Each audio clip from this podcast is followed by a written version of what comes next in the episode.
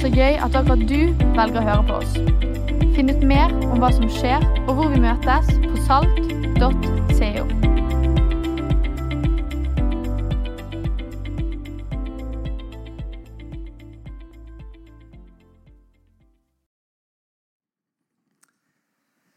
Veldig fint. Tusen takk for eh, god ledelse, Sigurd. Det er veldig bra at vi eh, kommer eh, inn i gudstjenesten på en så fin måte. Det var veldig flott med 67 nye medlemmer, men jeg fikk akkurat melding fra en eh, av eh, forsamlingslederne våre at det var ti hos de som ikke var registrert. Så da er vi på 77. Og som forstander i denne menigheten så tenker jeg det er et mye flottere tall. Så, så nå har vi bare landet det. Så vi må justere det til i kveld. da. Så det er vi er veldig glad for. eh. Jeg hadde jo denne opplevelsen her for noen år tilbake. Jeg, da var vi oppe i Kanalveien. Og, eh, og alle hadde små barn. og, og det, var, det, var, det var ikke bare lett å være pastoren da. altså. For, og Jeg satt på første benk. Det var ikke ett menneske som satt sammen med meg. Jeg var helt alene. Jeg tenkte nå dør jeg. Og Så snudde jeg meg og så så jeg meg bak i salen. og så opplevde jeg at Herren sa til meg Det kan være at det var rett og slett var bare et psykologisk triks som jeg dro på meg sjøl. Men jeg liker å tenke at det var Herren som sa til meg du skal få, du skal få lov til å oppleve å melde inn flere folk på en dag enn det du har i forsamlingen bak deg akkurat nå. tenkte Amen, tenkte jeg. Eh, og det har vi altså da, Den dagen var det 78. da. Så vi har gjort det noen ganger. Eh, så, så vi er ennå ikke der i dag. Så hvis du er her i dag og du ennå ikke har meldt deg inn, så kan det være at eh, Vår Herre har tenkt på det. i forhold til det. Du, dette har vært en veldig flott måned. Hjerte for kirken, tre uker med fokuset. Jeg vil takke alle dere som har gitt tilbakemelding og takket for undervisningen. Det står I Romerbrevet kapittel 10 vers 17 så står det at troen kommer av forkynnelsen som vi hører. Og forkynnelsen som vi hører, den kommer fra Kristi ord.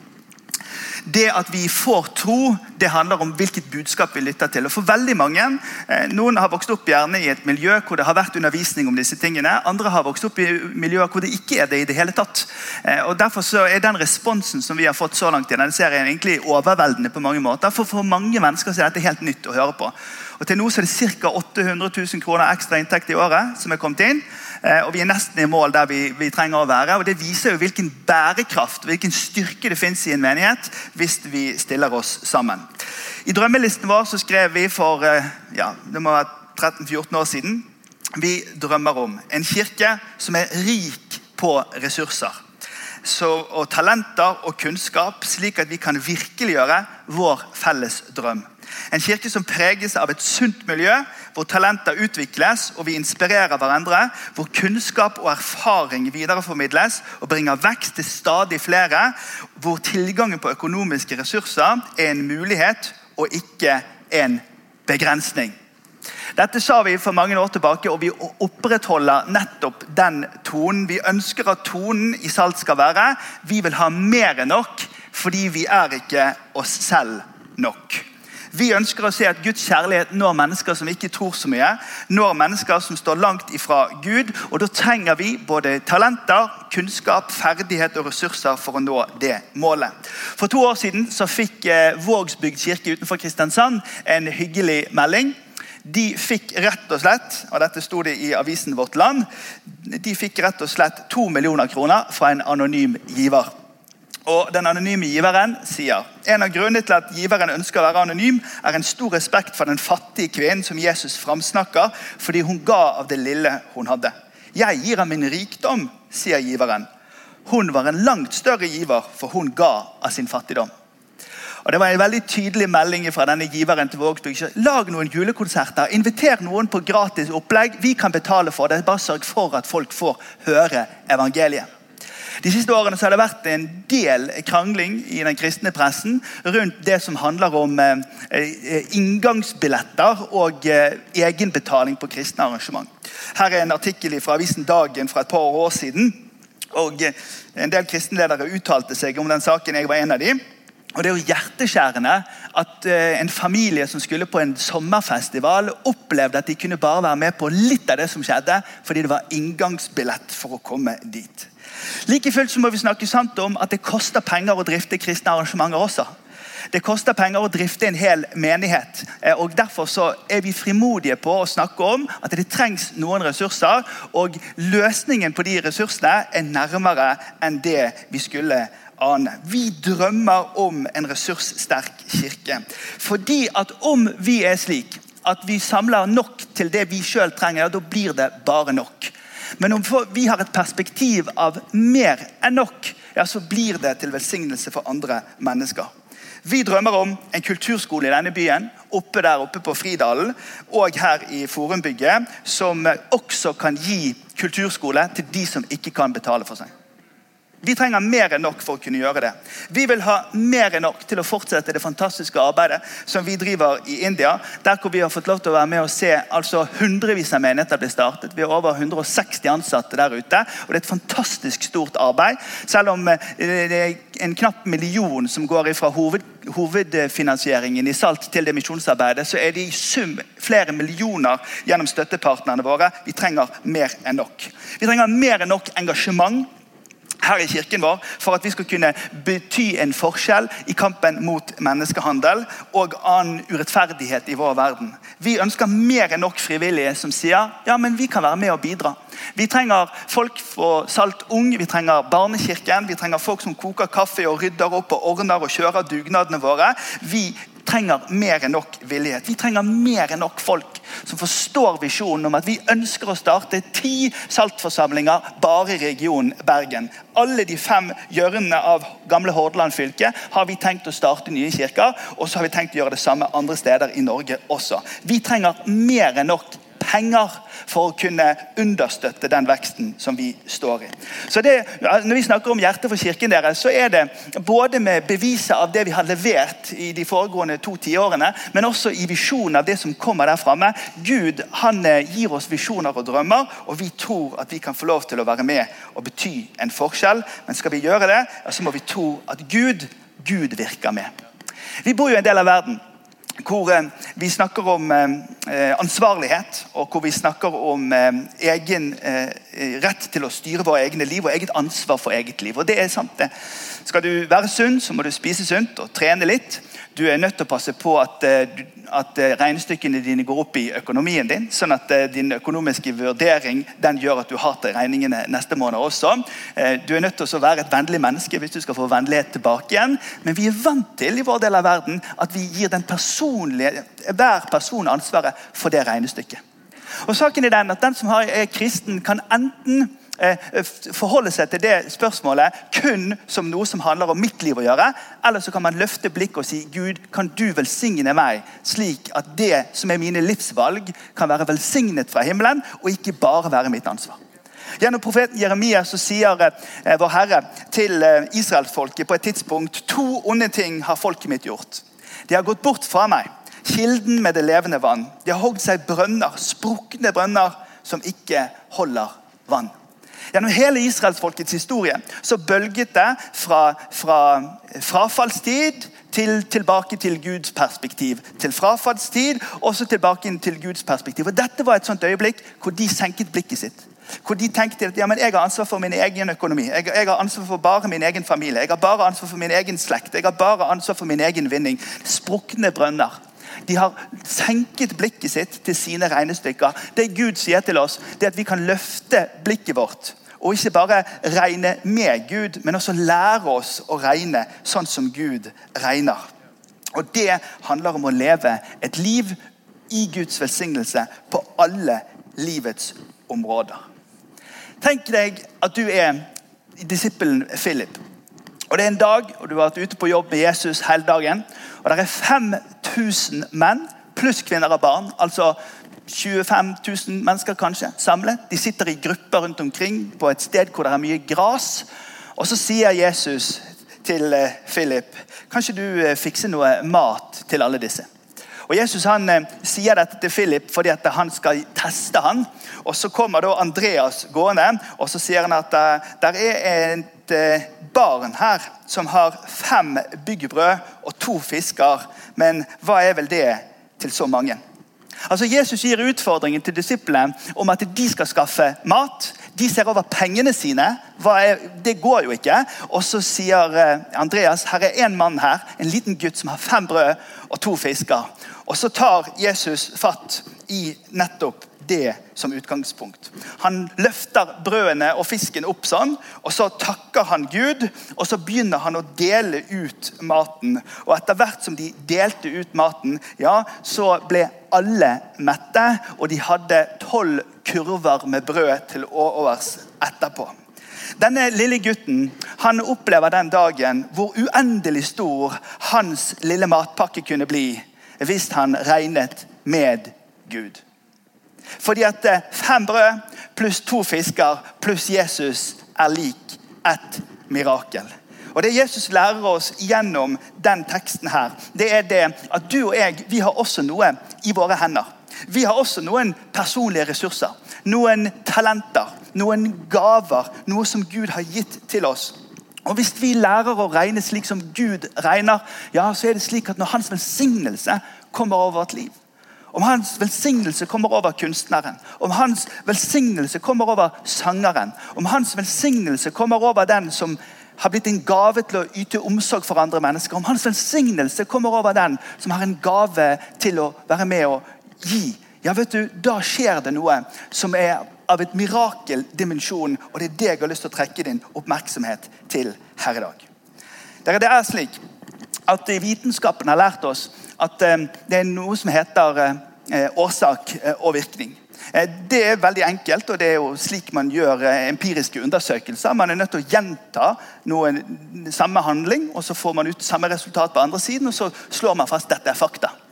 På bibelspråket så kaller vi det for loven om å så og å høste. Og Bibelen lærer oss veldig tydelig at loven om å så høste den ligger i selve skapelsesordningen. og Jeg vil trekke din oppmerksomhet til det her i dag formiddag. Hovedteksten vår skal være fra 2. Korinterbrev, kapittel 9. Så Hvis du har din bibel eller du har en notatbok, så kan du gjerne skrive ned dette. For der står det i vers 6-12. Men jeg sier dere, den som sår sparsomt, skal høste sparsomt. Den som sår med velsignelse, skal høste med velsignelse. Enhver skal gi det han har bestemt seg for i sitt hjerte, ikke med ulyst eller med tvang, for Gud elsker en glad giver. Og Gud makter å gi dere all sin gave i rikt mål, så at dere alltid og under alle forhold har nok av alt. Ja, overflod av all god gjerning. For det står skrevet Han strødde ut og ga til de fattige. Hans rettferd skal alltid vare. Han som gir såkorn til den som skal så, og brød til de som skal spise, han skal også gi dere såkorn og la det bære rikelig, og la deres rettferdighet bære rik frukt. Dere skal ha rikelig av alt ja, som dere gjerne vil gi. Og Så skal takken stige opp til Gud når vi overbringer gaven. For denne tjenesten, denne gudstjenesten er ikke bare hjelp til de hellige deres nød. Den skaper også en overflod av takk til Gud. Det jeg skal gjøre i løpet av de neste minuttene, er å ta den teksten. Og så skal jeg kjøre ned langs den teksten som et jernbanespor. Og så skal jeg under Den hellige ånds ledelse og kraft forhåpentligvis klare å synliggjøre og tydeliggjøre i dette rommet at det som står i denne teksten, er sant i år 2022. Hellige ånd, vi inviterer deg til å kaste lys over denne teksten og gjøre den relevant og klar for oss i dag formiddag. Herre, må du tale til oss ved ditt ord og ved din ånd vi ber i Jesu navn. Amen. Gud, dere, Gud er en giver. Gud er en Gud som har vært her så lenge. Han har vært gjennom oppgangstid og nedgangstid. Gjennom arbeidsledighet og mangel på arbeidskraft. I eh, overflod og i dyrtid. I høye renter og i lave. Gud har vært her hele tiden. Og Gud han vil at vi skal tro han som den som har omsorg for oss. Og det her handler jo ikke om en eller annen type sånn luksusorientert framgangsteologi. Det her handler jo om en stille tro på at Gud er en Gud som forsørger. Jeg var i Asia og eh, forkynte i Asia, og så traff jeg en forlegger der som drev og oversatte bøker fra, fra, Amerika. og Så sa han det at jeg fikk et problem med en av illustrasjonene mine en av bøkene. For han som skrev, skrev, boken, han var fra Texas. Og Texas er veldig stort. sant? Texas er kjempestort. Så han sier at if you, if you have great faith, God will give you an airplane. sant? Altså, Gud vil gi deg et fly, skrev han fyren. ikke sant? Nå leser ikke jeg veldig mye av sånne folk som sier sånn, men dette var viktig for denne her amerikanske forkynneren. Men da var han smart, han kinesiske lederen. Han sa I changed from airplane to bicycle. Og jeg er veldig glad for at han forandret fra For det hadde jo blitt kaos i luftrommet over Beijing hvis alle eh, kineserne skulle ha hver sin, sitt, sitt fly.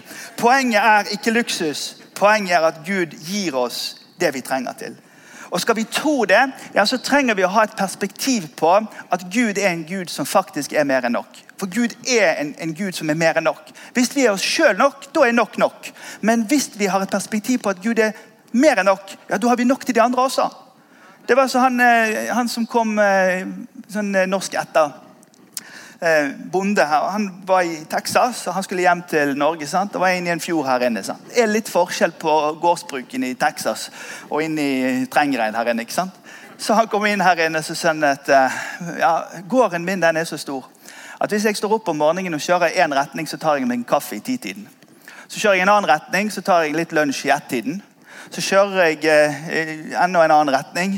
Og når det begynner å mørkne, så spiser jeg middag. Og når jeg kommer hjem, ja, så er det seint på kvelden og stummende mørkt. Sier han der bonden fra Texas til sin norske slektning, og så sier han norske slektningen ja, jeg har brukt å ha en så dårlig bil. Fordi perspektivet er bestemmende for hva vi tror for noe. Og Det som jeg ønsker å drive hjem her hos deg i dag, det er at Gud er en Gud som er mer enn nok. Og Dermed så ønsker han at vi skal se at, er, at vi kan være med og være en løsning for de menneskene som er rundt oss. For han gir såkorn til den som skal så. Han gir brød til de som skal spise. Han skal også gi dere såkorn, så å la det bære rikelig og la deres rettferdighet bære rik frukt. Jeg er helt sikker på jeg, at Gud er en Gud som velsigner de som følger han. At Gud er en Gud som er nådig med de som velger å tro på han. Det står en liten gutt med fem brød og to fisker. Det er det han har i hendene sine. Og han lærer med anskuelsen som Jesus gir den dagen, at fem brød pluss to fisker pluss en bønn fra himmelen er lik mat til mange flere. Den lille gutten hadde fått noe i hendene sine. Og Denne teksten lærer oss at vi alle har fått noe i hendene våre. Vi har fått noe fra Gud, alle sammen. Og Det som er så fantastisk med denne loven om å så og høste dere, det er det at eh, den eh, gir enhver troende, om man er fattig eller rik, om man er i en velstående del av verden eller i en fattig del av verden, så kan vi alle sammen med utgangspunkt i der vi er, få lov til å involvere Gud i det som handler om våre ressurser. Så lenge jorden står, skal såkorn og høst, kulde og varme, sommer og vinter, dag og natt aldri mer ta slutt. Altså Det er en del av skapelsesordningen at Gud har gjort det slik at eh, det du har i hendene dine, om du sår det på det riktige stedet, ja, så kommer det til å gi resultater etterpå. Derfor så er det så fantastisk det som står i Galaterbrevet kapittel 6 vers 7. At eh, ethvert menneske skal få lov til å høste som man sår. Fordi at Gud har gitt oss noe i hendene det fins en lov om å så og høste, så betyr det at du og jeg får dette enkle spørsmålet Hva er det du har i dine hender? Og Som kristen leder vel, så er dette her noe av det som er min utfordring sammen med teamet her. Hvordan klarer vi å fortelle disse her fantastisk flinke musikerne og sangerne og kunstnerne våre Ditt talent er jo til for å velsigne noen andre. Hvordan kan vi si til de som har mye arbeidskraft ja, det er veldig bra at du er flink å jobbe, men, men ikke vær et stoppepunkt for den velsignelsen av hardt arbeid sjøl. Vær en som også jobber for at andre folk skal bli velsignet. Du som har fått eh, muligheten til å gi oppmerksomhet og godhet, klarer du å løfte perspektivet og se at det er mer enn bare din lille familie eller de nærmeste dine, men du kan få lov til å være en sånn som er med å velsigne andre mennesker som er rundt deg. For du skjønner, du og jeg vi har fått noe i hendene våre. Vi har fått noe i hendene våre. Og Gud sier, 'Vil du løfte det fram, så at jeg kan få lov til å velsigne det?' Nå leste jeg denne teksten ikke fra Lukas evangelium, for i Lukas evangelium står den samme teksten. og Da står det noe veldig interessant. noe. Da var ikke det Jesus som gikk og delte ut, men det står deretter så, så brøt han brødet. Jesus brøt brødet, og så ga han brød til disiplene. For at det var de som skulle dele ut til de andre. Og Det er jo der vi er i 2022. Det er vi som har fått noe i hendene. Og det er vi som kan være med og se at miraklet skjer i vår tid. For vi er hans kropp i verden, vi er hans lemmer i verden. Mirakelet skjer i hendene på dem som i dag har fått ressurser ifra Gud. Er vi oss selv nok, ja, da er nok nok.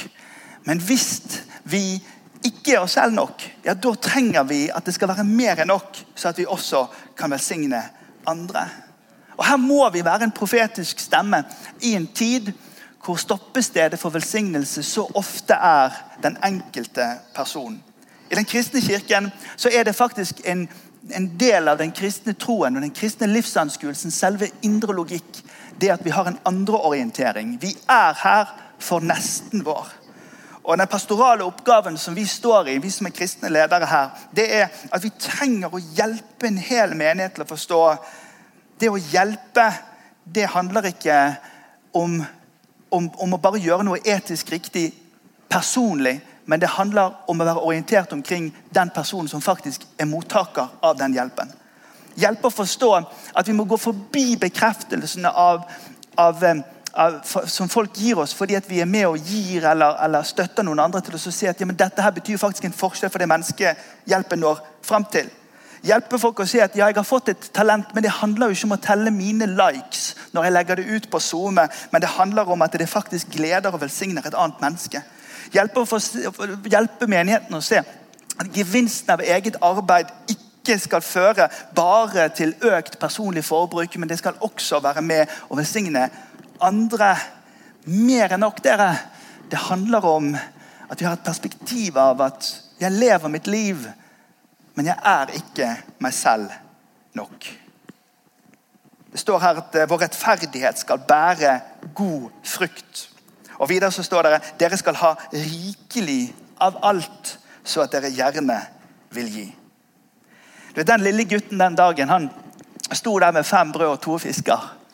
Og han måpte sikkert når han så at tenk at det her lille som jeg har, at det har blitt alt dette for alle disse menneskene her denne dagen. Og Det samme kan du få lov til å oppleve om du tør å ta det du har av gaver og talenter og ressurser og økonomi, og så inviterer du Gud inn i det. Og så skal du få lov til å se at du kan få lov til å være med og bety en forskjell. Og så skal takken stige opp til Gud når vi overbringer gaven. Fordi denne tjenesten her, denne gudstjenesten, den er ikke bare en hjelp for de hellige i deres nød. Den skaper også en overflod av takk til Gud. I morgen og til torsdag så skal jeg være sammen med noen ledere og vi skal diskutere hvordan det er å lede disse kirkelige bevegelsene som vi leder i Norden. For vi har en felles utfordring. det er at Vi lever i en sekulær virkelighet i Norden. Og eh, i Norden så er dette her med personlig uavhengighet eh, og nedbygging av eh, gamle tradisjoner og også religion og kirke det er en, en veldig stor del av det offentlige ordskiftet og strukturene som skjer i landet vårt. Så Vi spør sånne spørsmål om 20 år, om 50 år. Hvordan står det til med kristen kirke her i vår del av verden? Og En ting som vi er blitt helt enige om allerede i våre innledende samtaler, det er at eh, det må merkes mer i samfunnene våre at den kristne kirke er her. Når eh, stat eh, og, og kommune og offentlig forvaltning ikke kan løse sine utfordringer. Når Sverige er blitt det landet i Europa med flest mennesker som blir skutt. Når de også er nødt til å stanse innvandringen fordi at de ikke har råd til å betale alt og de får sosial uro i landene sine. Når vi opplever en epidemi av ensomhet økt rusbruk, store utfordringer i samfunnet, ja, så skjønner også de som driver disse landene som politikere, at det, det, trengs også frivillige og ideelle organisasjoner. Og kanskje til og med så trenger vi Kirken her. Hvis vi skal om 20 år, om 30 år, om 50 år ha et nærvær i disse nordiske landene, så trenger vi å ha et diakonalt avtrykk som gjør at folk skjønner at det betyr faktisk en forskjell at de kristne folkene er her. Og Så kan man hysje det til man blir blå i ansiktet, men saken er den at Den kristne kirke har gjennom alle tider betydd en enorm forskjell, også i sånne land som dette, fordi at det fins et hjertelag, det fins et engasjement der nede. Men det involverer også det materielle. Det det involverer også det, det, det, timelige som vi gir og er villige til å gi til andre mennesker. Margaret Thatcher sier det på en glimrende måte. Ingen hadde husket en barmhjertige samaritan om han, ikke, om han bare hadde gode intensjoner. Han hadde penger også. Han var villig til å betale hele 24 netter for denne her søndagsslåtte mannen som han fant på veien til Damaskus. Vi må ikke være overåndelige, dere. Vi må heller ikke være slike som kjører ting inn i tåkeheimen i troslivet vårt. Gud er en gud som håndterer det materielle og det timelige. Og han sier til oss, 'Jeg velsigner deg' og ditt livsarbeide, ditt talent, dine penger og dine ressurser. Jeg vil velsigne deg, slik at du kan være til en velsignelse for andre mennesker. Og På den måten så kan vi bli stående som en kanal for Guds velsignelse til vår verden. Og Sånn er det verden over, og sånn kan det være også her oppe hos oss. Og Derfor så har vi denne sterke, tydelige visjonen. Vi skal være en ressurssterk menighet. Vi skal være en ressurssterk menighet. Så hvis kommunen skal klippe alt vi sysler med her i denne byen av ideologiske årsaker, ja, så får vi stemme annerledes ved neste valg. da, Og inntil da så får vi ta opp regningen sjøl. For det er ingen av oss som blir fattigere av å, av å gi. Og det betyr en forskjell for det samfunnet som vi er i. Og det tror vi på. Skal vi be sammen? Hellige Ånd, vi takker deg fordi at du eh, veileder oss og gir oss klarhet også omkring det vi snakker om her i dag formiddag. Herre, takk at din kirke er i verden. Takk at din kirke er verdenshåp.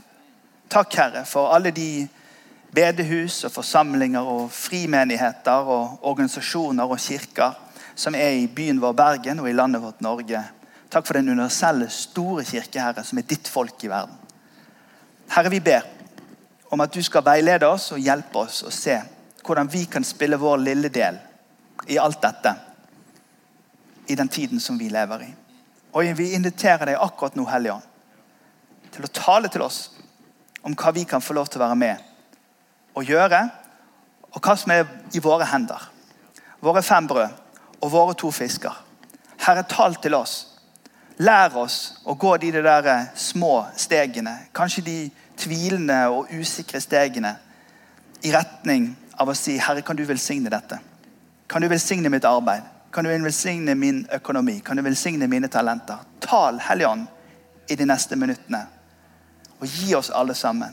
Om ikke ditt hjerte for kirken, så iallfall et hjerte for din sak. For ditt rike, og for det som du ønsker å skape i vår verden. Tal, Helligånd, i Jesu navn. Amen.